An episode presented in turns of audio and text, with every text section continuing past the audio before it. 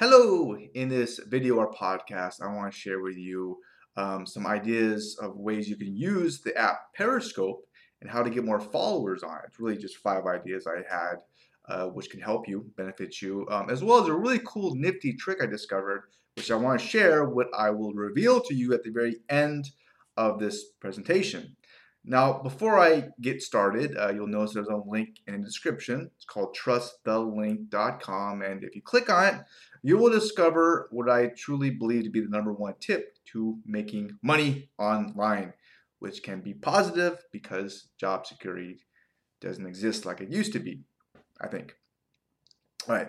Now, one of the classic ways to get followers on Periscope, um, which you might already know, is to uh, follow people in your niche. It does work with Twitter. It works, okay? Um, and some of those people will follow you back. Now, you what you can do is you can find leaders in your industry, whatever niche you're in. Maybe you're in the make money niche like me, or maybe you're doing something else. Find leaders, and you can follow people who follow them. The more targeted you get, the better, and some of them will follow you back. Okay, that's one way to get followers. Okay, you might already know that. Um, now, just like with any social media platform out there, there is a social currency out there which I want to talk about. Um, so if you give hearts, if you give feedback, if you comment on other people's stuff, they're, they could probably do the same to you. They're more likely to do that. Um, not guaranteed. Of course, there's this internet marketer called Gary Vee. You probably know of him. He's very successful. He has this whole formula. He wrote a book about it, which is give, give, give, give, then ask. Uh, me, not that way. I'm like, my formula is give, then ask. Give, give, ask. Something like that. I don't know. I was just thinking about that. Um, all right. Now, one way which I want to talk about, which won't really give you more followers, but it's a good thing to do, is to follow people that are following you. Just kind of a nice thing to do. The more likely to stick around.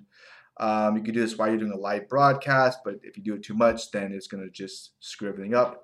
Won't be a good experience. Um, so you might be better off just waiting until it's done. Follow right after you do a live broadcast. Those people.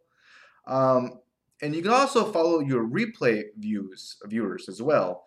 Uh, the replay is uh, deactivated after 24 hours uh, to know. Uh, so maybe a good tip would be after 20 hours, you, if you do this this broadcast, uh, you can follow as many as your replay viewers as you can. So that's another tip for you could do. They can help you. Okay. Um, another great idea, uh, which I really can't help asking.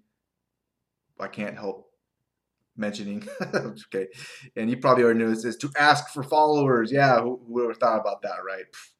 You probably already know that. Uh, and basically, you want to ask, you know, maybe during your presentation or maybe you know towards the end, you know, if you got value from this, uh, please uh, follow me to get more, uh, you know, updates. And you know, I like the idea of really kind of uh, explaining how people can follow you. Uh, you know, just walk them right through it and make it just, I call it dummy proofing it. But uh, yeah, you can follow me by hitting the little follow button. You'll notify you of my next live broadcast. Say something like that. That's an idea. Uh, okay. And another really cool tip, which I was kind of thinking about this too, is uh, when you get near the end of your show, your show, uh, you can hint at what's coming up next. Uh, not a bad idea, right? You can kind of steal what they've been doing in TV for a long, long period of time and give them a reason to come back to you. Uh, okay, so there's an idea. Uh, I think I'm on tip number three. I lost count. okay, anyways, but uh, another great idea is uh, to get more followers is, use, is to use the embedded button. Okay, I'm not sure if you're aware of this, but you can find that periscope.tv slash embedded. I include a link below. Uh, but the blue button is when you're not live, and red is when you do go live. And you can put this little icon button thing on your website. You can put it all over the dang place. You can, you can, you know, anyways, you can check out the website to learn more about it. But it's a great way to get more exposure and more attention because we all want attention uh, to what is to whatever it is you do. Okay, so it's a great little tip uh, which I just learned about. All right. And lastly, well, not lastly, maybe almost lastly, is what about all the other people in your other networks, your social networks, like your, your Facebook friends, your Twitter, your YouTube, your LinkedIn, your email list, business cards, blogs, you name it, email signature. You may even know this, but when you send, you know, your emails out at the very bottom, you could you could use that advertising space. Um, you could you could use that too. And and I'm a big fan, FYI, of uh, taking one piece of content and just leveraging the crap out of it because I am lazy. I am insanely lazy, and I'll admit that to get as most as most exposure as you can. Okay. Uh, now, one very important point I want to talk about uh, is uh, just because you mention it doesn't mean people are going to act on it because people are lazy too. okay, yeah, we're all lazy, and uh, that doesn't mean they're going to sign up. Okay, so it helps to get them excited about them, about it, educate them how to get the app and follow you, and really just do it step by step, just kind of dummy proofing it. I don't know if that's an insulting term or not. I don't know, but just uh, but make it step by step, so it's very easy. And you can say something like this, you know, uh, so they can't fail. Step one, get the Periscope app. It's free. Uh, step two, open the app and click on the people icon on the far right. Step three, click the magnifying icon on the top left and type in my name. And then follow me. And now you'll be able to see more of my uh, my content. Something like that. So whatever. You get the you get the gist of what I'm trying to say. You, you just gotta break it down. Um, all right. Now, the last tip I have for you uh, is, as you can probably guess, consistency is key uh, to getting more followers. Just like in any other social media platform, the more you put into it, the more you'll get out of it. Uh, just like a lot of areas in your life, right? There you go.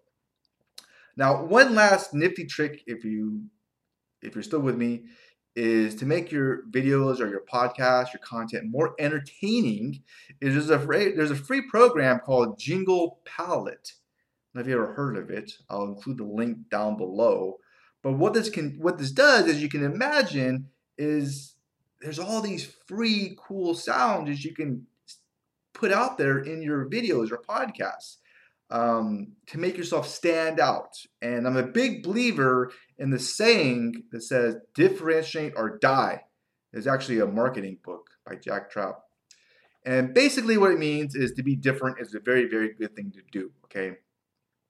Um, I just started playing around with it. What's up, Dad? There's there's Bugs Bunny, but there's a whole bunch of cool stuff that you can like insert if you want completely optional. So I hope you enjoyed this video or podcast. If you did, please hit the thumbs up button. I would really appreciate that, okay? Make my day. Um, if you are interested in making money online, um, I uh, just go ahead and click the link below or go to trustthelink.com and you'll discover uh, the number one tip I think to making money online. And uh, what do you think it is? And do you agree with it? All right. So I wish you the best. Uh, have a very fun and rest, uh, awesome, productive rest of your day. And uh, bye for now.